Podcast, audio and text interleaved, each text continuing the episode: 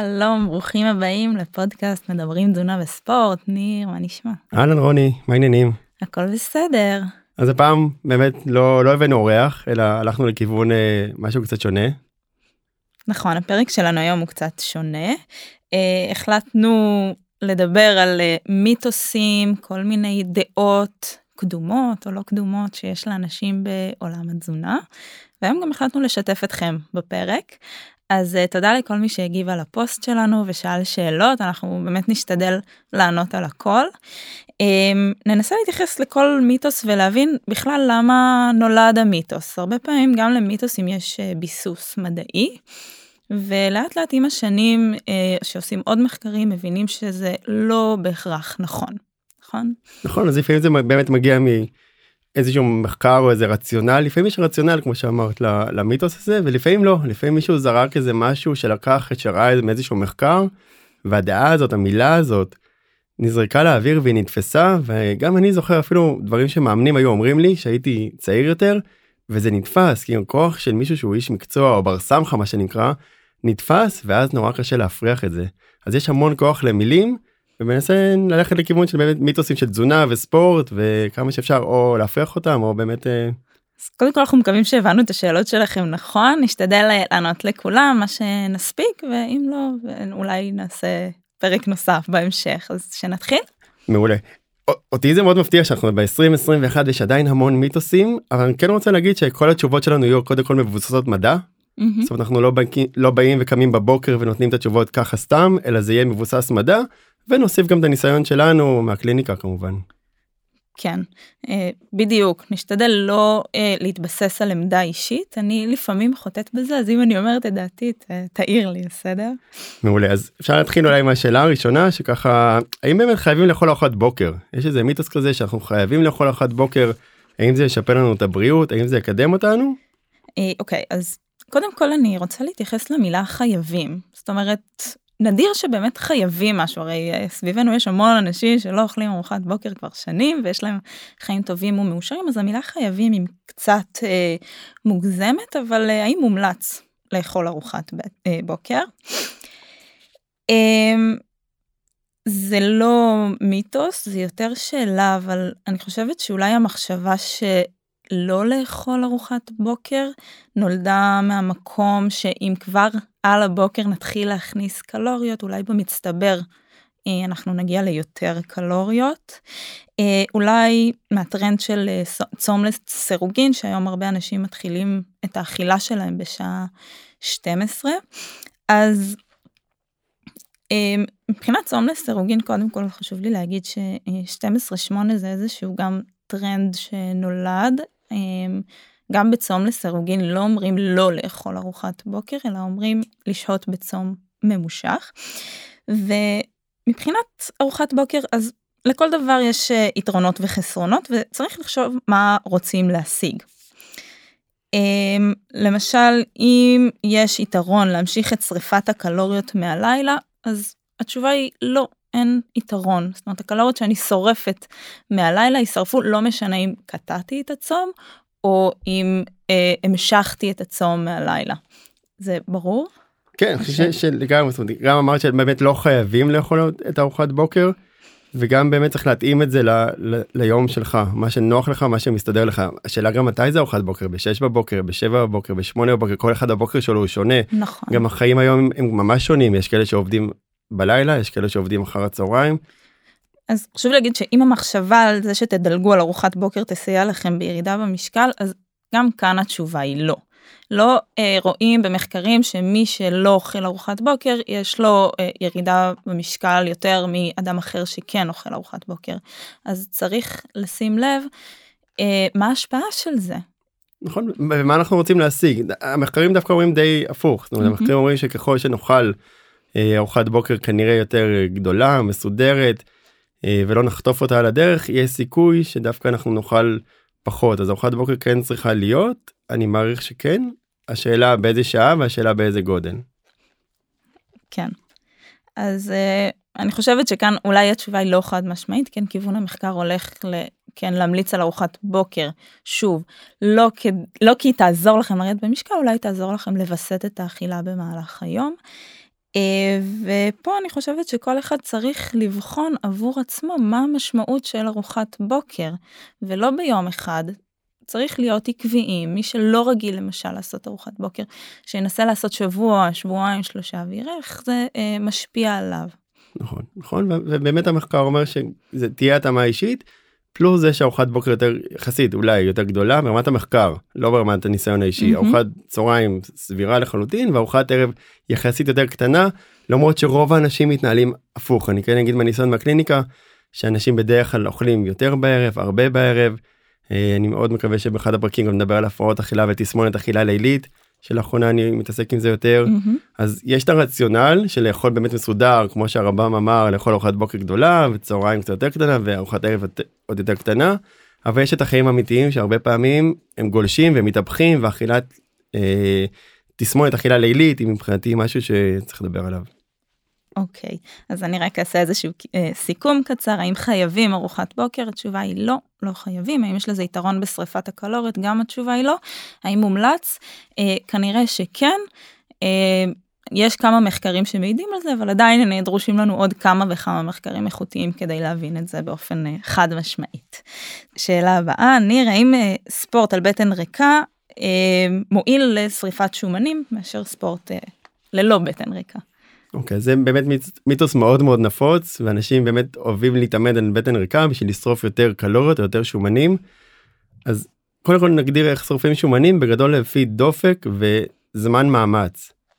או קלוריות אותו דבר אוקיי שורפים שומנים קלוריות מן הסתם זה הבסיס ובאמת ככל שאנשים מתאמצים יותר ועם יותר זמן הם ישרפו יותר קלוריות זה לא משנה כרגע מה הם אכלו לפני. המחקר אומר דווקא הפוך ככל שאנשים אוכלים ארוחת בוקר או משהו קטן לפני הפעילות, לרוב הם יאכלו פחות אחרי. זאת אומרת במילים אחרות ככל שאנשים צמו לפני הפעילות, הם אחרי זה אכלו ופיצו על זה ואחרי הפעילות אכלו יותר. אז אין כל כך היגיון לצום לפני וגם לא נשרוף יותר קלוריות או יותר שומנים אלא אנחנו נשרוף את אותם קלוריות בהתאם לזמן ולמאמץ שלנו. אז אני לא כל כך רואה את ההיגיון למה לעשות את זה על בטן ריקה אני חושב שאוכל קטן תלוי מתי האימון נותן לנו את האנרגיה לאימון, אבל ההיגיון של ללכת על בטן ריקה, עם זאת יש אנשים שמרגישים ברמת התחושה שזה נוח להם שהקיבה יותר ריקה, הם יותר כלילים קצת, זה עדיין נותן להם מוטיבציה כי הם מרגישים בתחושה שהם שורפים יותר. אז שוב אפשר ללכת עם התחושות אבל המדע אומר שזה די הפוך ככל שנאכל יותר בערב לפני או בבוקר לפני האימון לצורך העניין אנחנו פשוט נאכל אחרי פחות ואת הקלוריות נשרוף בהתאם להוצאה האנרגטית. כלומר גם כאן אה, היית ממליץ ל... לאדם לבדוק איך הוא מרגיש אחרי שהוא עושה פעילות בצום ואיך הוא מרגיש אחרי שהוא עושה פעילות אה, על בטן מלאה ולראות איך זה משפיע על האכילה שלו. נכון והייתי גם מנסה לשים לב מה זה פעילות האם mm-hmm. זה חצי שעה פעילות האם זה שעה פעילות האם זה שעתיים פעילות כי יש פה פעילות זה מילה גדולה נכון. יכול להיות 40 דקות יוגה שזה אחלה וזה יכול להיות גם באותה מידה שעתיים של חצי מרתון או, או שחייה או אופניים. Mm-hmm. אז התחושה צריכה להיות של, של כיף ושל נעים ולא של רעב אני חושב שגם נכנס הרעב אם אנחנו על בטן ריקה ומתחילים מתחילות המחשבות mm-hmm. על קיבה ריקה ועל רעב זה קצת משבש לנו. כן אני... אולי באמת כדאי להגיד שיש פעילות שזה אפילו לא כל כך משנה תעשה בצום אל תעשה בצום כל אחד מה שנוח לו אבל יש פעילות שדווקא האכילה היא קריטית אולי אה, חצי מרתון מרתון. כן, יכולה להיות מאוד משמעותית ואני חושב שגם לא עושים ספורט בשביל. לאכול פחות או לא עושים ספורט בשביל לשרוף קלות. אני חושב שספורט צריך להגיע מהרבה סיבות אחרות אבל לא אוהב את אלה שרצים בשביל לאכול. אני, כן. אני חושב שאנחנו צריכים לעשות ספורט מהרבה סיבות אחרות. אוקיי. אז יש עוד איזה טרנד כזה או מיתוס כזה שהוא באמת שנים כבר הולך האם לחם זה משמין אז דנה שאלה אוקיי? מדי פעם נזכור ככה את מי ששאל ותודה ששיתפתם באמת. האם לחם זה משמין? האם גם נכון שצריך להפריד בין פחמימות לחלבונים, לשומנים ולחם בשביל לרדת במשקל. זו שאלה גדולה אבל בוא נתחיל האם לחם כלחם הוא משמין? אה, טוב מאיפה נולד המיתוס הזה? אני לא יודעת שדחה ככה את הלחם המסכן לכיוון הרע של התזונה אני מדמיינת כזה פרוסת לחם עם קרניים של שטן. עצובה כזאת אני חושב שזה הגיע מאיפשהו שכל דבר שכיף לנו וטוב לנו זה לא. יכול להיות כי זה נורא נורא טעים יכול להיות שזה זמין נורא אז uh, משהו שקל אולי לאכול בעודף יכול להיות בגלל שלחם זה סוג של פחמימה וגם לפחמימות צמחו קרניים ככה. אה, פחמימות לקלוריות להרבה דברים בעולם התזונה צמחו קרניים של משהו שלא טוב. אני חושב שגם איפשהו בתעשייה מהפכה תעשייתית או חקלאית אני לא מורה עד כדי כך ברמת ההיסטוריה אבל איפשהו כשזה נהיה יותר זמין. ובאמת יותר קל להביא את הלחם ולא צריך עכשיו באמת לאפות אותו במשך שעות וללוש אותו אני חושב שזה נהיה יותר נגיש אולי זה גם משם. אה, אוקיי אז אני אגיד באופן כללי שאני לא אוהבת לשים אצבע מאשימה על איזשהו סוג מאכל אחד אין אף מאכל שאפשר להגיד שהוא משמין מה שמשמין זה עודף. עודף של אוכל, עודף קלוריות, זה בסוף מה שיגרום לנו לעודף משקל. ובוא נחזור רגע ללחם, אז פרוסת לחם זה 70 קלוריות. בסדר? זה סדר גודל של תפוח, או בננה בינונית. אה, סך הכל משהו די סולידי הייתי אומרת ו... סולידי ומשביע. ומשביע, נכון. בדיוק. חושב... אני חושב שהרבה אנשים אני מאוד מאמין ב- בלחם ודיאטות או, או תפריטים או אורח חיים שבנוי על לחם אני חושב שזה משהו שמאוד עושה לאנשים סדר זה מותאם ל- ליום שלנו בטח לישראלים לקחת כריך אם זה לבית ספר אם זה לערב אני מאוד אוהב את הארוחות ביניים שהם בסיס של לחם. אז אה, אין, אין סיבה אמיתית להימנע מלחם נכון אלא אם כן יש אה, רגישות כמובן לא על זה אנחנו מדברים ודווקא יש באמת יתרונות בלחם אם הוא מלא אז תחושת השובע היא יותר ארוכה ואנחנו יכולים לקחת אותנו אה, לקחת אותו איתנו לימים שלמים זאת אומרת זה גם משהו שאנחנו. גם משהו שאנחנו שוכחים לפעמים שאנחנו צריכים אוכל שהוא פרקטי היום בעידן ה... במאה ה-21 בעולם המערבי ו... ויש לזה איזשהו מחיר אולי של אה, חוסר גיוון ויכול להיות שאנשים אוכלים קצת יותר מדי לחם בגלל אה, הזמינות שלו והיתרונות שיש בו. אני, אני מסכים ואני אוסיף עוד משהו קטן אני חושב שגם אנשים מבלבלים קצת בין uh, כל הקבוצות המזון זאת אומרת לחם זה לא פיתה זה לא לאפה זה לא בורקס זאת אומרת זה לא פחמימות. נכון יש פה איזה אישו של כאילו האם לחם הוא, הוא הבעיה? אני חושב שלחם הוא הפתרון בדרך כלל. אני חושב שהבעיה היא מה שהפכו את זה אוקיי? כשאנחנו לוקחים עכשיו קורסונים ובורקסים וכל מה שקראת להם בעצם סוג של פחמימות ביחד עם שומן אז זה אישו אחר. אבל גודל של פרוסת לחם סטנדרטית גם אם היא קצת יותר גדולה היא בדרך כלל כמו שאמרת 70-80 קלוריות אני חושב שיש צריך להבין שהאוכל שבמאפייה האוכל שהוא בבית קפה לחם סליחה לצורך העניין mm-hmm. הוא מכיל יותר קלוריות. זאת אומרת נכון. לחם בלי עכשיו להגיד שמות של בתי קפה לחם בבית קפה יהיה יותר קלוריות מאשר כל פרוסה בבית. ואני טיפה אקשה על המאזינים גם לחם שאופים בבית נכון בתור אחד נכון. שחישב את זה כבר מאות פעמים כן. לחם לחמניות שאופים, שאופים בבית הם בהכרח יהיו יותר כנראה בריאות אבל בהכרח בהכרח יהיו יותר משמינות מבחינה קלורית. נכון כי אנחנו לא מצליחים להטפיח את הלחם כמו בתנאי אה, מא, אה, מאפייה. נכון. אז אה, בעצם יוצא יותר כמות בפחות אה, שטח פנים אפשר לומר. ויותר קלורית ויותר דחוס יכול להיות יותר בריא אבל באמת אה, בדרך כלל יותר משמין אה, זה שיקול זה נכון שהלחם בתעשייה הוא מעובד ויש בו את החומרים שלו.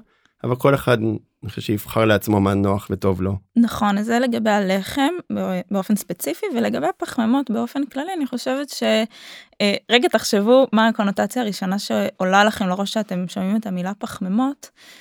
נראה לי שרוב האנשים ישר זה המאפים, זה אולי הממתקים, בורקסים, כל מיני דברים שאנחנו מייחסים אה, לג'אנק או להשמנה, אבל בעצם פחמימות זה קבוצת מזון ענקית ושוכחים שזה גם קטניות וסיבים תזונתיים ופירות וירקות, אז uh, אני הרבה פעמים אוהבת לעשות את ההפרדה הזאת ולהבין שגם בקבוצת הפחמימות יש המון המון מזונות שהם טובים, ויש גם כאלה שפחות אולי. נכון וחלק מהאוכל הוא גם אוכל לנפש אה, אני חושב שיש פה איזה משהו שגם כיף לאכול איזה משהו שהוא טיפה יותר פחמימתי ולפעמים מתוק יותר. שאלה באמת המידה והכמויות. אז אה, האם לחם זה משמין? לא והאם חייבים להוריד פחמימות כדי לרדת במשקל גם התשובה היא לא. חד משמעית ממש חד משמעית לא. אז תגיד ניר מה מומלץ יותר שלוש ארוחות גדולות או שש ארוחות קטנות. האמת שזה באמת שאלה נפלאה אני לא זוכר לגמרי מי שאל אותה זה באמת שאלה אני חושב שמירי שאלה אותה וזו שאלה נפלאה. אה, אז אנחנו צריכים לזכור כמו שאמרנו מקודם שהכל יהיה פה בהתאמה אישית יש כאלה שטוב להם שלוש ארוחות יש כאלה שטוב להם שש ארוחות. אני חושב שפה אני אהיה גם די קשוח אני חושב שהשאלה גם מה ההגדרה של ארוחה. כי מבחינתי כל דבר שנכנס לפה הוא אמנם לא ארוחה בהגדרה המילונית אולי אבל ברגע שאנחנו אוכלים אותו הוא אוכל שנכנס אז האם פרי לא נחשב כארוחה זה רק נשנוש mm-hmm. והאם רק אם זה הופך להיות עכשיו גם פרי גם יוגורט גם גרנולה זה כן ארוחה. אז אני חושב שלרוב האנשים בתיאוריה או המחקר אומר שדווקא צום לסירוגין כמו שהזכרת mm-hmm. מקודם יחסית יש לזה עדויות קצת יותר טובות לאחרונה וזה עדיין לא ודאי. אז יכול להיות שצמצום ארוחות או צמצום זמן הארוחות ייטיב איתנו ברמה גם קלורית אבל גם ברמה בריאותית. אבל אני חושב שזה לא מתאים לרוב האנשים ביום יום ורוב האנשים יתגלגלו ליותר משלוש ארוחות לארבע לחמש לשש פשוט הם לא יגדירו את זה כארוחה. אה, אני גם אוהב להגיד שכל מה שנקנה בסוף יאכל אוקיי? זה לא פירות וירקות שלפעמים זורקים אותם לפח אז הדברים האלה שאנחנו קונים בדרך כלל יישמר ואנחנו נאכל אותו. אז צריך להבין כאילו כמה ארוחות ומה קנינו. לי אישית זה קצת מתחבר באותה שאלה אבל בגדול אין פה משהו שנכון חד משמעית מניסיון רוב האנשים יאכלו יותר משלוש ארוחות ביום. כן זה קצת זורק אותי לכיוון אחר אבל אני חושבת שגם אם יש ימים שנוח לכם לאכול שלוש ארוחות ויש ימים שנוח לכם לאכול שש ארוחות זאת אומרת לא חייבים להתקבע על אה, משהו שהוא נורא נורא מוגדר או ספציפי. נכון זה הרע נפלאה שהרבה אנשים ביום חול התנהלו גם בכל יום אפשר להחליף וגם הרבה פעמים דווקא בשבת אנשים פתאום אוכלים שתי ארוחות גדולות ולא כל כך כמו שאכלנו ביום ראשון או שני. אז זה, זה נכון אה, יש איזה קיבעון כזה של לפעמים שבאים אלינו לבנות תפריט אז הם רוצים נורא תפריט שיהיה להם מסודר אבל אנחנו לא באמת עובדים לפי תפריט מדוד מדויק במשך שבעה ימים בשבוע וככה 365 יום בשנה. נכון. זה פחות קורה החיים הם ממש דינמיים. נכון אז uh, לסיכום לסיכום באמת זה התאמה אישית. אני חושב שבשורה התחתונה רוב האנשים לא יצליחו להתמיד רק בשלוש ארוחות אה, וצריך לשים לב לכל מה שנכנס לפה. קצת שאלנו את זה מקודם באמת האם אנחנו צריכים להפריד בין פחמימות? השאלה הבאה בעצם היא קצת על פחמימות חלבונים ושומנים. האם דיברנו קצת על לחם אבל האם צריך להפריד בין הפחמימות לשומנים לחלבונים? היה איזה מיתוס כזה שאם אני אוכל בארוחה אחת רק את החלבון ובארוחה אחרת בהפרש של לפחות שלוש נגיד ארבע שעות רק את הפחמימה זה יקל על מערכת העיכול אולי זה יעזור לי לירידה במשקל ממש.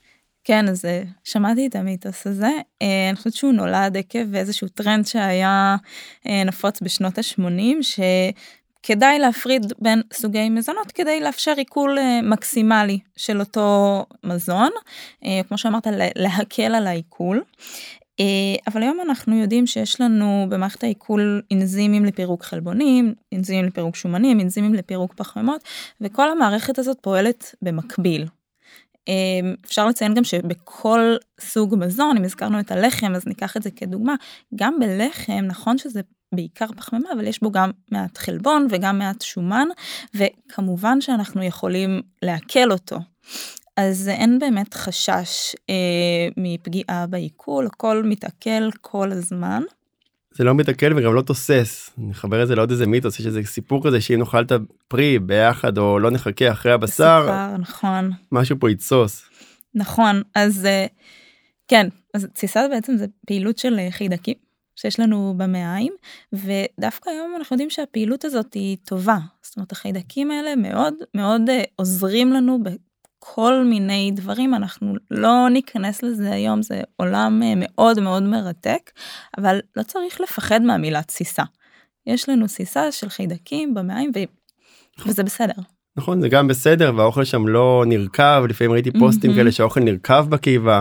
מערכת דיכוי שלנו יכולה להתמודד לצערנו אפילו עם כמויות מאוד גדולות לפעמים אפילו בו זמנית אבל יודעת לפרק את זה כמו שאמרתי עם האנזימים לגורמים ולעכל את זה לפי צורך ואם יהיה באמת עודף אז חלק מזה ילך לשומנים או לדברים שבאמת כהגירה אבל היא תתמודד גם עם פחמימה גם עם חלבון גם עם שומן. ואני חושבת שאולי יש אה, יתרון מסוים בלאכול את זה דווקא ביחד כי זה יכול לתרום לתחושת השובע. אמ, למשל אה, ארוחה שהיא גדושה בחלבונים יכולה ליצור לנו שובע לאורך זמן אה, ופחמימות עם הסיבים התזונתיים גם יכולה אה, לתרום לנו לתחושת השובע, וכשזה בא ביחד עם גם שומנים, אז זה מאט את הקצב של העיכול. ככל שהאוכל שוהה בקיבה יותר זמן, כך גם תחושת השובע שלנו תהיה ארוכה יותר. נכון. אז גם נהיה יותר שבעים וגם רמת הסוכר אולי לא תעלה כל כך מהר כי באמת יש לנו גם את השומנים כמו שהזכרת. נכון. אני אוהב לתאר את זה כמשהו שהוא כמו קצת יותר כמו בלנדר כי יש אנשים שככה מתארים את המערכת עיכול כשמשהו נכנס הוא כאילו נכנס למגירה מצד שמאל ואחרי זה אכלתי לחם זה נכנס למגירה מצד ימין ואכלתי שומן זה נכנס למגירה אחרת אבל אני חושב שזה פחות זה לא עובד לא איך שאני חושב אוקיי בואו נעשה את זה מסודר זה לא עובד ככה תחשבו יותר על בלנדר אכלנו כן. אוכל כל האוכל הזה מתערבל ביחד mm-hmm. ולאט לאט הוא הופך להיות כמו עיסה כזאת ומשם הוא עובר מהפה אמרנו לוושת לקיבה אז יתבלגן שם יסתדר שם ומשם זה יעבור למעי ומהמעי זה יספג לדם. אז זה לא מה שנכנס ראשון יוצא ראשון אלא זה איזשהו מערכת עיכוי שעובדת יותר באמת כמו בלנדר. שזו כן, הזכרת את אה, רמות הסוכר, אז אה, באמת לסוכרתיים ממליצים לא לאכול את הסוכר לבד דווקא. ממליצים לערבב את זה עם אה, שומן כדי שקצת יאט את קצב הספיגה, של קצב העלייה של הסוכר בדם. אז לאדם, אדם בריא לא צריך לחשוש מעלייה של סוכר בדם, זאת אומרת זה, זה בסדר, אבל זה רק אה, מוכיח את מה שאנחנו אומרים שהעיכול מאט בצורה הזאת. נכון. נכון? אז, אז, אז שוב זה ככה כמו שאמרתי קודם לסיכום זה באמת איזשהו מיתוס ואין שום בעיה לערבב ביחד אם אתם מאמינים במשהו שעושה לכם פחות טוב זה בסדר אבל מערכת העיכול תתמודד ובאמת אין שום סיבה להפריד בין פחמימה חלבון ושומן רוב האוכל בטבע כמו שרוני אמרה פשוט מגיע גם גם וגם. דרך אגב זה גם לא כל כך מתאים לתרבות שלנו. זאת אומרת אה, זה, זה יהיה נורא קשה לעשות את זה ארוחות חג ארוחות משפחתיות זה קשה עד לדעתי בלתי אפשרי ממש. זה דברים שגם אם יעבדו גם אם יעבדו במעבדה ויוכיחו נגיד שיוכיחו שאפשר ועדיף לאכול פחמימה בשעה שבע וחצי בבוקר. זה לא יותאם לחיים ואני חושב שיש לנו הרבה דברים שאפשר לשנות ולנסות לסגל לנו שהם באמת יותר פרקטיים mm-hmm. אם זה לזוז יותר אם זה לאכול מסודר יותר יותר אם זה לאכול פחות ג'אנק אם זה דברים שהם בוודאות אוקיי mm-hmm. שברמת ודאות גבוהה מאוד אנחנו יודעים שצריך לשנות בואו נטפל בהם ואחרי זה נטפל באנקדוטות הקטנות האם כן פחמימה או לא פחמימה או באיזה שעה אבל בואו נעשה את הדברים העיקריים. לגמרי. אמ, אז, אז עוד שאלה דווקא ל- לרוני האם אנחנו צריכים אה, חייבים חלבון בשביל לעלות מסת שריר? כדי לעלות מסת שריר יש אה, כמה תנאים שצריכים להתקיים והראשון זה בעצם גירוי שרירי כלומר אימון. אם אנחנו לא נתאמן, לא משנה כמה חלבון אנחנו נאכל, אולי נצליח לעלות מסת שריר קצת, אם נעלה במשקל.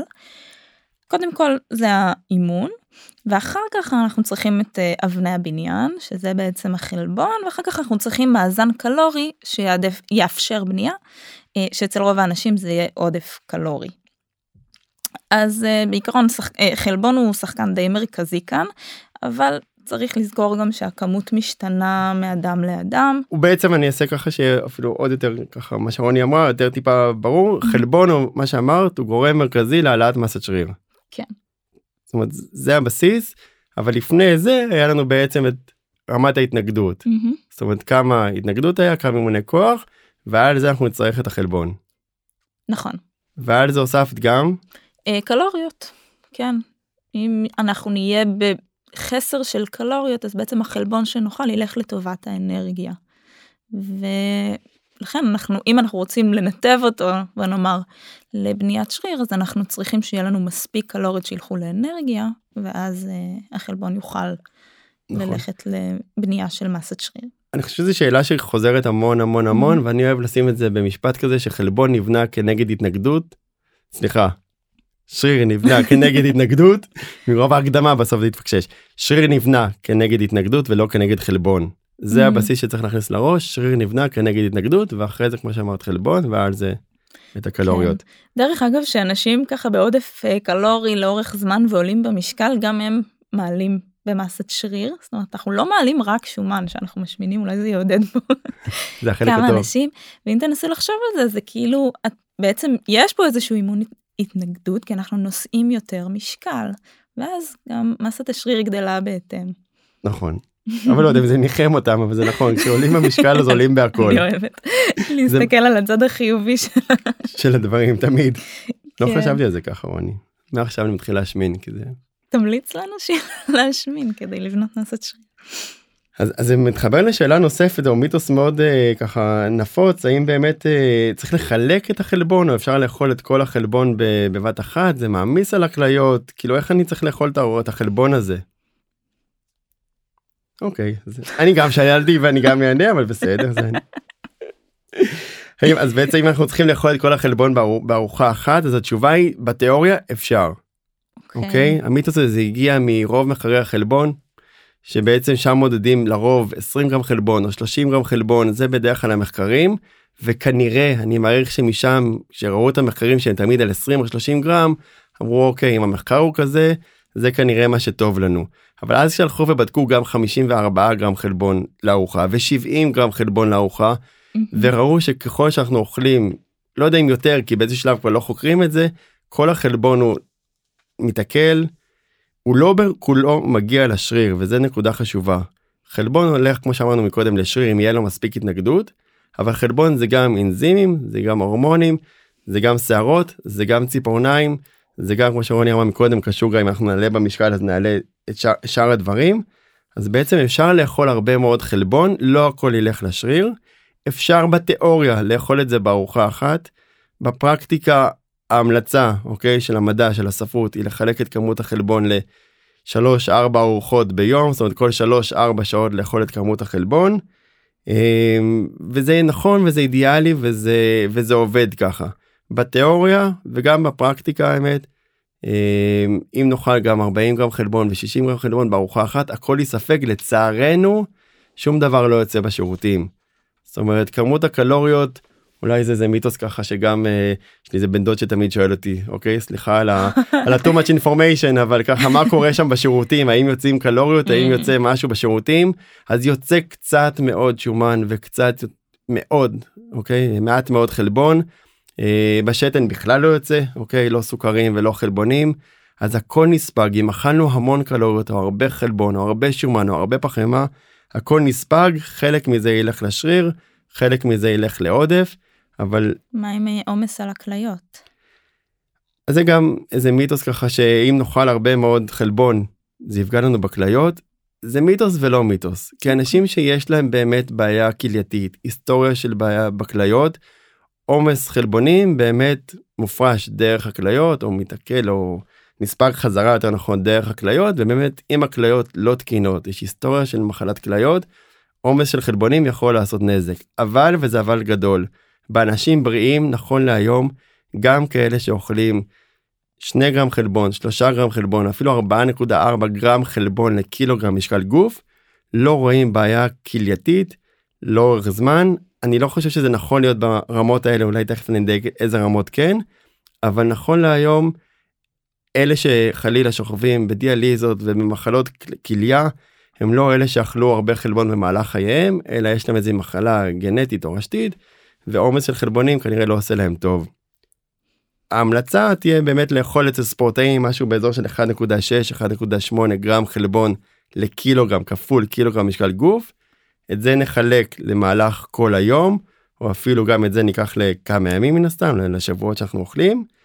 אה, ויש כאלה שיאכלו גם פחות 1-2 היום בבוקר היה אצלי מישהו בקליניקה שמאוד קשה לו להגיע לכמות הגדולות אבל על 1.2 גרם חלבון אני מתעקש איתו mm-hmm. כפול משקל גוף ויש כאלה שיכולו גם 2 ו-2.2 וזה בסדר ואין עם זה שום בעיה.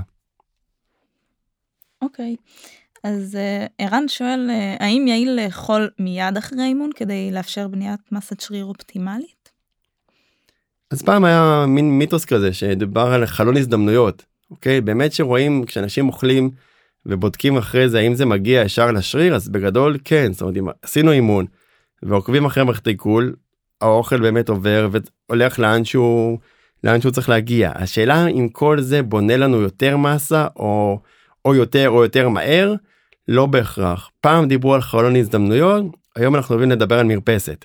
זאת אומרת זה לא משהו שצריך במיידי לאכול זה נכון לאכול בין 3 שעות ל-24 שעות מתום האימון. Mm-hmm. אז אין צורך אלא אם כן ואני אעשה פה כוכבית אתם ספורטאים אה, עילית תחרותיים כאלה שמתאמנים פעם ביום פעמיים ביום שם הסדר יום יותר צפוף ושם לפעמים אתה צריך גם להתאושש לאימון הבא, ושם אני כן ממליץ לאנשים, אנחנו כן ממליצים לאנשים לאכול כמה שיותר מהר באופן יחסי, אבל לרוב באמת אפשר לדחות את האכילה של החלבון בשעה, שעתיים, שלוש, אם תאכלו את זה תוך 24 שעות נגיד מתום האימון, שבדרך כלל אנשים יאכלו ביום מהמם. של אחרי, הכל יהיה בסדר. זה עדיין אה, יתרום למסת השריר. אם עשיתם מספיק אימוני כוח ועשיתם מספיק התנגדות ומגיע לכם הרווחתם את זה כמו שאבא שלי אומר אני צריך לה- להרוויח את האוכל לא כולם מגיע להם אוכל אצלנו בבית אה כן? סתם אני צוחק אבל אבל היה צריך להרוויח את האוכל. דרך אגב איך אתם אה, יודעים אם המידע שאתם מקבלים מאדם מסוים הוא נכון או לא? אם הוא מסתייג כנראה שזה נכון. אם הוא אומר משהו באופן חד משמעי אז אה, כנראה שזה לא נכון נכון?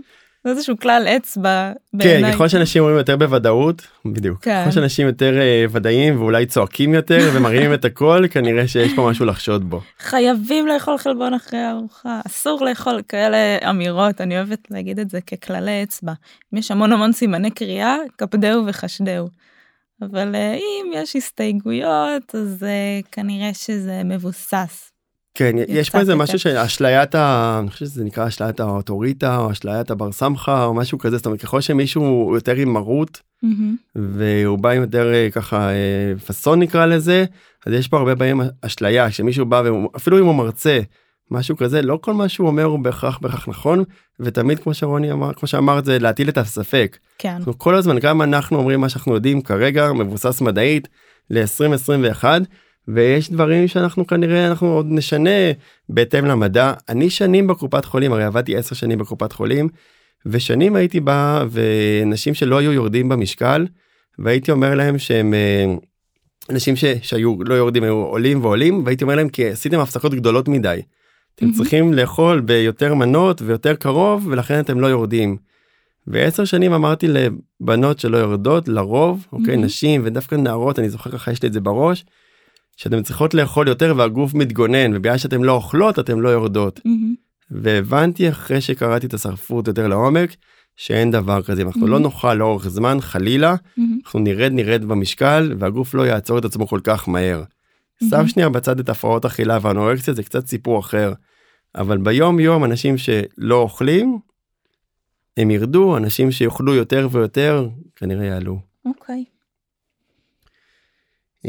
אז אז יש עוד שאלה מעניינת או מיתוס מעניין האם אנחנו צריכים בשביל לרדת במשקל לעשות אימוני כוח או אולי דווקא הליכות יותר אוקיי. אמ, אז אני נורא נורא משתדלת אה, להפריד. להפריד בין פעילות גופנית לירידה במשקל. אז אה, האם כדי לרדת במשקל צריך לעשות אימוני כוח? אה, התשובה היא לא. כדי לרדת במשקל אנחנו צריכים להיות בגירעון קלורי. למה כן מומלץ לעשות אימוני כוח בתהליך של ירידה במשקל? אה, שוב, ההתנגדות הזאת לשריר, ברגע שאנחנו מייצרים גירוי שרירי, התנגדות שרירית, אנחנו יכולים לאפשר ירידה איכותית יותר. כלומר, לרדת במסת השומן ולנסות לשמר כמה שאפשר את מסת השריר. אה, האם גם הליכות מסייעות? אז שוב, הליכות מסייעות, אבל אני נורא נורא רוצה להפריד את הפעילות הגופנית. יש לה המון המון יתרונות, היא מאוד חשובה לתהליכים של ירידה במשקל, אבל זה לא מה שיוריד אותי במשקל, בניגוד למה שהרבה אנשים חושבים. אולי זה מוביל אותי לשאלה הבאה. אה, נשאלה השאלה האם פעילות אירובית עדיפה לירידה במשקל על פני אימונים אחרים. אז uh, המחשבה היא סך הכל הגיונית. נניח בריצה אני שורפת 300 קלוריות, אז uh, מתוך ההיגיון עולה שאני יכולה לאכול 300 קלוריות יותר באותו היום ולא יקרה שום דבר. אבל מסתבר שגוף uh, אדם קצת יותר מורכב ממה שאנחנו חושבים, ואנחנו רואים שאין קורלציה ישירה בין כמה קלוריות שרפנו באימון לבין הירידה במשקל. למה? לא עד הסוף יודעים, מה שכן עולה מהמחקרים זה אחד שיש איזשהו פיצוי התנהגותי. פעילות גופנית יכולה לגרום לאכילה מוגברת אחר כך. ככל או- שאנשים בעצם עושים יותר ספורט הם אומרים עכשיו מגיע לי כן, משהו כזה. עכשיו מגיע לי. אה, או שהם מפחיתים את הפעילות הגופנית הספונטנית שלהם, או מה שנקרא ניט. אה, זאת אומרת שאם עכשיו עשיתי ריצה של 300 קלוריות וביום יום אני רגילה ללכת לבוא מפה לשם משם לפה פתאום אני מוצאת את עצמי יושבת על הספה צופה בנטפליקס זה לא תמיד דברים שאנחנו יודעים לשים עליהם את האצבע אבל במחקרים ראו שזה מה שקרה. בול אני אוהב לקרוא לזה אני את שלי כבר עשיתי היום. כן. אני את שלי כבר עשיתי. אני לשבת על הספה תביא לי תעשה לי. זה קורה אנשים לא שמים לב הם יוצאים לפעילות ואז במהלך היום הם בעצם מפחיתים כמו שאמרת את הנית ובעצם הם זזים פחות ופחות כי די אני כבר את שלי עשיתי להיום או שאני אעשה אחר כך ולפעמים אחר כך גם לא מגיע זאת אומרת יש אימון בערב אז אני אנוח עד האימון ואז מפה לשם יצא שכלום. בדיוק ולפעמים יש ממש שינויים אה, מטאבוליים זאת אומרת תחושת הרעב מוגברת יותר זה כבר לא פיצוי יתר של מגיע לי כי עשיתי אלא אני מרגיש רעב יותר ושם כבר יותר קשה אה, לשלוט בזה רעב זה איזושהי פעילות אה, הורמונלית וגם יש איזושהי התייעלות של הגוף. זאת אומרת אם לפני הפעילות הגופנית סתם לצורך הדוגמה אה, בשביל לעשות צעד מהספה למקרר לקח לי אה, 10 קלוריות אז עכשיו הגוף מתייעל וזה יכול לקחת לי 5 קלוריות ולכן אני באמת באמת משתדלת להגיד אל תרדפו אחרי הקלוריות, אל תספרו כמה קלוריות הוצאתם בפעילות וכמה אה, קלוריות אה, הכנסתם מהתזונה, אלא אתם צריכים באמת לעשות אה, איזשהו... אה, מה ששקף לכם, כן. מה ששקף לכם, אני חושב שהמחקר בדיוק. מראה שככל שאתם נהנים יותר, אתם תתמידו יותר, והספירת קלוריות לא, לא, נכון שהיא תנצח, אני כן אוהב לדבר על הקלוריות, או להמחיש לאנשים שמצד אחד הכל זה מאזן קלורי אם שמתי לשנייה את הנפש בצד את הפסיכולוגיה mm-hmm. בצד שככה מי שמאזין לנו יודע כמה אנחנו חשוב לנו הפסיכולוגיה והנפש וכמה אנחנו עושים קורסים שקשורים לכל הדבר הזה שבאמת מתרחש בראש. אבל בירידה ובעלייה במשקל זה באמת משהו קלורי אני אזכיר למאזינים או ככה נדבר על זה שבעצם קילו שומן בגדול ברמת מעבדה זה mm-hmm. משהו כמו 7,700 7,800 תלוי טיפה איך מסתכלים על זה בוא נאגד את זה ל-8,000 קלוריות זה משהו כמו קילו נטו שומן בגוף. מפה לגזור את זה לאיך יורדים זה טיפה יותר מורכב אבל כן. זה עדיין משהו כזה אני מסכים לגמרי רוני שהספירת קלוריות היא לא נכונה בפעילות זה לא הסיבה שעושים פעילות גופנית ואם תהנו מזה כנראה שתתמידו יותר. כן, אז אפשר גם להגיד, אני מקווה שאנשים אה, מהתשובה שלי לא יסיקו לזה שפעילות גופנית היא מיותרת. אז כמו שאמרתי, אימון כוח הוא קריטי לשמירה והעלאה של מסת השריר, שגם לזה יש המון המון אה, סגולות מבחינה בריאות, בריאותית. ויש מחקרים שמראים שפעילות אירובית, אמנם היא לא תעזור לנו בשריפה המיידית, זאת אומרת שרפתי 300 קלוריות, אבל היא כן תעזור לנו בשמירה על המשקל אחר כך. הרי הרבה אנשים יורדים במשקל ואחר כך מעלים הכל, אז רואים שאצל אנשים שסיגלו לעצמם אורח חיים פעיל ומשלבים פעילות אירובית, אה, יש יותר סיכוי לשמור על המשקל, וזה פרייסלס לדעתי. נכון, עצם זה שאנחנו עושים משהו שהוא מקדם אותנו וזה גורם לנו להגברת המוטיבציה אני חושב שזה האישו ככל שאנחנו בתוך תהליך ואנחנו עושים גם אם זה משהו קטן אז יש סיכוי שנתמיד יותר ונאכל אחרי זה יותר בריא ואולי נקנה פחות ג'אנק ונחשוב פעמיים לפני מה שאנחנו אוכלים אחרי אז הספורט יש לו בעקיפין המון סיבות למה למה להתמיד איתו mm-hmm. אבל זה באמת לא העניין של הקלוריה. Mm-hmm. כן. אז לי יש עוד שאלה רוני אה, אוקיי. Mm-hmm. אה, אולי קצת נדבר על מה עדיף ברמת הקלוריות לשרוף שומן אוקיי? מה עדיף לשרפת שומן או ירידה במשקל? אם אנחנו צריכים לעשות משהו בעצימות יותר נמוכה או משהו דווקא יותר אינטנסיבי. אמ, אוקיי בסדר. אז כאן אני חושבת שזה נובע ממעגלי אה, אנרגיה. זאת אומרת איזה אנרגיה תנוצל לטובת הפעילות הגופנית. יש לנו כמה מעגלי אנרגיה, אני אתייחס כרגע לניצול אנרגיה משומן וניצול אנרגיה מפחמימה. קודם כל חשוב להגיד שכל מעגלי האנרגיה פועלים במקביל. זאת אומרת, בכל רגע נתון אנחנו שורפים גם שומן וגם פחמימה.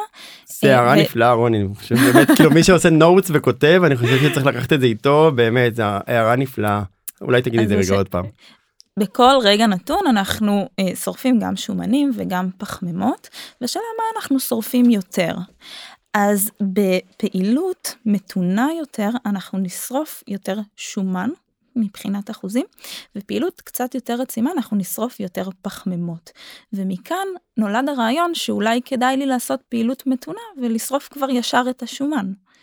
אה, אבל בפועל זה איזושהי אה, שגיאה, כי שוב, מה שמשנה זה כמה אנרגיה אני שורף בטוטל, כלומר, כמה קלוריות אני אה, שורף. אני אתן איזושהי דוגמה, סליחה על המתמטיקה, אבל אה, נניח עכשיו אני עושה פעילות מתונה, אה, נניח ניר, אתה יושב וצופה בטלוויזיה, אוקיי? ומהפעולה הזאת אתה שורף 100 קלוריות, ו-100% זה משומן. כמה קלוריות שרפת? נטו 100. 100 קלוריות, אוקיי. ועכשיו אתה יוצא לאיזושהי ריצה אה, קצת יותר עצימה, ושרפת 300 קלוריות, אבל רק 50% שומן ו-50% פחמימה. אז כמה קלוריות אה, שרפת משומן? 150 מהשומן ו-150 מהפחמימה. יפה. אז אה, בפעילות אה, מתונה עד עצימה, בוא נגיד את זה ככה, שרפת 150 קלוריות של שומן, וממנוחה מוחלטת שרפת 100 קלוריות של שומן. אז מה עדיף לך? אני מעריך שהתשובה תהיה שכמה להוציא יותר שאני אוציא יותר קלוריות זה יהיה התשובה הנכונה. נכון אז באמת ברוב המקרים הפעילות העצימה תשרוף לנו יותר קלוריות מהפעילות המתונה. ואני מקווה שעניתי על השאלה. כן, אני חושב שענית לגמרי על השאלה ובאמת אנחנו צריכים לראות מה אנחנו כמו שאמרנו קודם מתמידים ומה נעים לנו מה טוב לנו זה נכון שאנחנו אם נשב כמו שאמרת ואנחנו נשרוף גם קלוריות וגם שומנים אבל כנראה שמעט קלוריות ומעט שומנים ככל שנעלה את הדופק ואת הזמן אנחנו mm-hmm. נשרוף ונחמצן יותר נכון להגיד mm-hmm. יותר קלוריות ויותר שומנים. אמ, אז יש איזה נטייה גם ככה ללכת לדופק שריפת שומן זה אולי עוד איזה מיתוס ככה שלא לא עלה בשאלות אבל אני אזכיר אותו דופק שריפת שומן זה נכון שיש נקודה שבה אנחנו שורפים או מחמצנים קצת יותר שומן מגליקוגן מהפחמימות mm-hmm. אבל בגדול כמו שרוני כמו שאמרת כרגע זה לא רלוונטי לשום דבר המיתוס של דופק שריפת שומן mm-hmm. אותנו מעניין זה קודם כל לשפר את הבריאות ולהשתפר בספורט שאנחנו עושים אם זה ספורט מסוים ואם אני רוצה דווקא להתחיל לעמוד על, ה, על הראש או על הידיים ביוגה אז בוא נתרכז בזה mm-hmm. ואם אני רוצה לשפר לא יודע מה את הזינוק או את הקפיצה אז בוא נתרכז בזה או נתרכז באמת בלשפר את איכות החיים שלנו. אבל זה נכון שככל שאנחנו נעשה יותר פעילות נשרוף יותר קלוריות אין מה להסתכל על דופק שריפת שומן זה לגמרי מיתוס במעבדה זה נכון בפועל ב long run זה לא רלוונטי לשום דבר. בוא נעצור רגע אולי ככה עם כל הקלוריות קלוריות קלוריות אני אלך שנייה לכיוון אחר. קצת מיתוס כזה של אה, האם מומלץ לאכול להפסיק לאכול אחרי השעה 8 7 9 יש לנו מין דברים שלפעמים אנשים אומרים באופן מאוד החלטי שחייבים לעצור לאכול בשעה כזו או אחרת. נכון, אה, גם זה יכול להיות אה, הגיע מאיזשהו אה, מחשבה שאולי צום לסירוגין זה יש לזה יתרונות מסוימים וגם פה חשוב לי להגיד. צום לסירוגין מתייחס לצום. זאת אומרת באף מחקר לא התייחסו באיזה שעה אני מתחילה את הצום, באיזה שעה אני אה, מפסיקה את האכילה, ומשום מה זה נורא נורא תפס שבין 12 ל-8 צריך לאכול, ובין 8 ל-12 צריך לצום, אז אה, אין כל כך משמעות לשעות, זה מהבחינה הזאת. וגם אולי זה נובע מהמחשבה שבלילה העיכול ככה מאט והוא פחות יעיל, אז אה, התשובה היא אנחנו מעכלים גם בלילה. ורצינו לצאת מהקלוריות איכשהו תמיד חוזרים לשם. מה שמשנה אה, אם אני ארד או עלה במשקל זה העודף או הגירעון הקלורי שאני אהיה בו. אה, היום השעה פחות משנה אולי יש לזה אספקטים אה, התנהגותיים. אה, אבל מבחינה פיזיולוגית בסדר לאכול בערב. נכון אין בעיה אני מסכים לגמרי אין שום בעיה לאכול בערב בלילה בגיל מבוגר לפעמים אנשים גם אמורים לאכול קצת פחות ולפעמים מערכת עיכול בכל זאת תהליכים קורים קצת יותר לאט בגיל מסוים אז אולי שם כדאי להפחית בשביל שיהיה לנו שינה יותר טובה. תמיד אני אומר שבגיל הצעיר גם כשהופכים אותך על הראש אתה יכול לאכול את ההמבורגר באמצע הלילה והכל עובר. עם הגיל אולי זה קצת משתנה אבל זה באמת לא ישפיע על המשקל או לעיכול או שזה יצא ממקום אחר בעיה שאכלנו אכלנו נכון, ב... מי שסורב, סובל מצרבת או בחילות, אז זה באמת מומלץ לא לאכול לפני שנה, מהסיבה הפשוטה שכשאתה נשכב אז האוכל יכול uh, לעלות למעלה. אבל uh, מי שלא סובל מהדברים האלה לא, לא תהיה לו בעיה ואני גם חושבת שהרבה פעמים אמירות כאלה אה, יש להם השלכות. זאת אומרת כן עדיף אה, להפסיק לאכול בשמונה בערב. אבל מה אם הבן אדם הולך לישון בשתיים בלילה ומה אם הוא עובד משמרות. אז גם הוא צריך להפסיק לאכול בשמונה בערב? זאת אומרת ההשלכות של זה יכולות להיות. אה, הרסניות. אם אתה בשתיים בלילה מוצא את עצמך מורעב ואז אה, עושה איזה התקף אכילה או אוכל דברים רק נורא זמינים ו...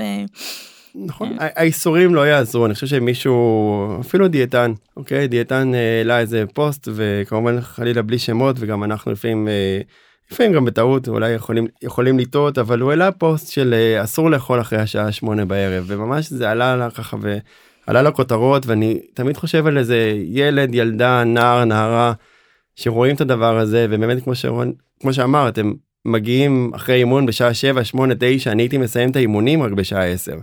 אז אם פעם לא באמת לא היה פייסבוק ולא היה את כל הדברים האלה אז לא היה לי איפה לראות את זה עוד לא היה אינטרנט אבל אה, ככה זקן אתה ככה זקן אני עוד לא היה אינטרנט אבל uh, באמת חזרנו מהאימון ב-10 ו-10 וחצי ובאמת uh, אכלנו והכל היה בסדר וזה לא רק התחושה ולא רק הניסיון אלא באמת המדע אומר שזה בסדר לאכול בלילה וצריך להיזהר עם ההצהרות שמישהו צעיר או ילד או ילדה יראו את זה וישמעו את זה ופתאום יפסיקו לאכול בערב כי חלילה מישהו שגם יש לו תעודה אמר את זה. יכול להיות שזה גם נובע מה...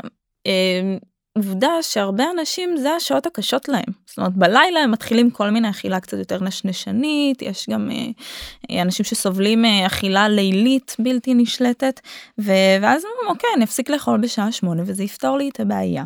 Uh, הבעיה היא שדיאטות שמגבילות מאוד או כל מיני חוקים מאוד מאוד נוקשים זה בסוף יוצר מצב שקשה להתמיד בו. ורוב האנשים יפלו דווקא בגלל ההגבלות האלה זאת אומרת זה פשוט לא עוזר במקרים האלה. זה מעגל האימה שאתה לא מצליח ושוב לא מצליח ואתה נופל אני אני מבטיח באמת ואני יודע שאנחנו נעשה פה פודקאסט לפחות אחד אם לא כמה פרקים לצורך העניין על הפרעות אכילה ואכילת אה, סינדרום אכילה לילית אני חושב שזה מרתק שם מה שקורה שם. וההתעסקות באוכל היא שוב דיברנו הרבה קלוריות אבל גם תהיה על, על הנפש ועל הפסיכולוגיה ומה קורה מסביב כי, כי גם מישהו כתב בפייסבוק בוא, בוא פשוט תפסיקו לאכול לחם. אז אפשר לכתוב את זה אבל אי אפשר באמת לבצע את זה כי אנשים זה דבר הרבה יותר מורכב מפשוט להגיד להם פשוט אל תעשו פשוט כן תעשו. שאלה נוספת אה, האם קפה לפני אימון שורף יותר קלוריות או שורף שומן? אז גם זה מיתוס ואפילו התעשייה הולכת ככה ודוחפת לנו אה, הרבה מאוד קפה וקפה וקפה בשביל לשרוף יותר קלוריות או לשרוף יותר שומנים. אז כמו שהזכרנו מקודם הקלוריות נשרפות או מתחמצנות לפי זמן המאמץ ו- ו- ודופק ולא לפי מה שאכלנו לפני או אחרי. מה אנחנו כן יודעים על קפה ככה ברמה של קלוריות ושומנים אז קפה לא גורם לנו לשרוף יותר קלוריות. אוקיי אם שתיתי קפה ויצאתי לפעילות mm-hmm. אני אחמצן או אשרוף את אותם קלוריות גם אם יש לי קפה בדם וגם אם אין לי קפה בדם זאת אומרת אם שחיתי חצי שעה וזה שווה 300 קלוריות עם קפה ובלי קפה זה יהיה אותם קלוריות. מה אנחנו כן יודעים על קפה אנחנו כן יודעים שזה כנראה מוריד לי קצת את העייפות. אוקיי זה קצת דוחה לי את התשישות וזה קצת מוריד לי את תחושת הכאב. ולכן זה יכול לעזור לספורטאים זה מוכח ברמת הכאב אבל זה לא שורף לי יותר קלוריות. זה כן אולי אצל חלק מהאנשים שורף באופן יחסי קצת יותר שומן. ואני אנסה להיות יותר ברור. זאת אומרת כמו שאמרנו חמצנו 300 קלוריות בפעילות אז אולי קצת יבוא יותר משומנים וקצת פחות מהגליקוגן, אבל ברמת הירידה במשקל זה לא מוכח כיעיל וזה לא מוכח כעוזר, כי הסך הקלורי, לצערנו חזרנו לזה שוב, הוא באמת קובע ולא כמה שומנים נשרפו התחמצנו. עושה לכם טוב קפה זה אחלה, זה לא ישרוף יותר קלוריות, זה גם ברמה שלנו הפרקטית, זה גם לא ישרוף יותר שומן. אז אין לזה משמעות או יתרון, שמעתי איזה משפט פעם על שורפי שומנים שאם אה, זה עובד כנראה שזה מזיק ואם זה לא מזיק כנראה שזה לא עובד. בול. איזשהו כלל אצבע שהוא ממש תופס בעניין הזה. לגמרי. אה, ניר יש לנו עוד כמה שאלות אבל נגמר לנו הזמן. אני חושב שאולי באמת נעד... טם טם טם איזה כיף כמה הזמן עובר מהר ביחד זה משהו. אני חושב שאולי כן נעצור פה והשארנו עוד כמה מיתוסים מרתקים בעיניי לפרקים הבאים. כן, אז uh, החלטנו שאחת לכמה פרקים אנחנו נשב ככה שנינו ונקשקש על uh, עניינים של uh, תזונה ונשתדל לעשות את זה ביחד איתכם.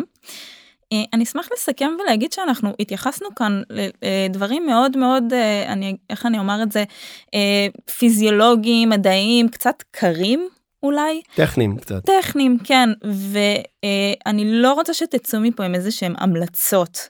לכל uh, דבר, הנחיה, המלצה פיזיולוגית שיוצאת, יש גם השלכות התנהגותיות ופסיכולוגיות, אז uh, את זה שמנו היום בצד נטו כדי לדבר uh, מדע וקצת להפריח מיתוסים, לייצר איזשהו עניין בפן הזה, אבל מאחורי כל דבר כזה יש uh, uh, על כל אחד יכולות להיות השלכות uh, אחרות נכון כן לגמרי אני מסכים אני חושב שלכל כלל יש יוצא מן הכלל ובסוף אנחנו כשמגיע אלינו מישהו לייעוץ לטיפול והפודקאסט הזה והפרקים האלה בעצם איזשהו ככה אה, גם מדע וגם ידע לאנשים אבל הטיפול והייעוץ הוא אישי הוא אינדיבידואלי הוא מרכיב הרבה מאוד גורמים. יצא אה, לנו לדבר המון על קלוריות שוב כי מבחינת הפרקטיקה והמדע זה נורא מעניין להבין איך הפיזיולוגיה עובדת אבל בפועל לרוב האנשים זה לא כל כך רלוונטי הספירה וההתעסקות הזאת בכלל. נכון ויש הרבה דרכים לשפר את הבריאות ואת את המצב שלנו ולשם אנחנו הולכים.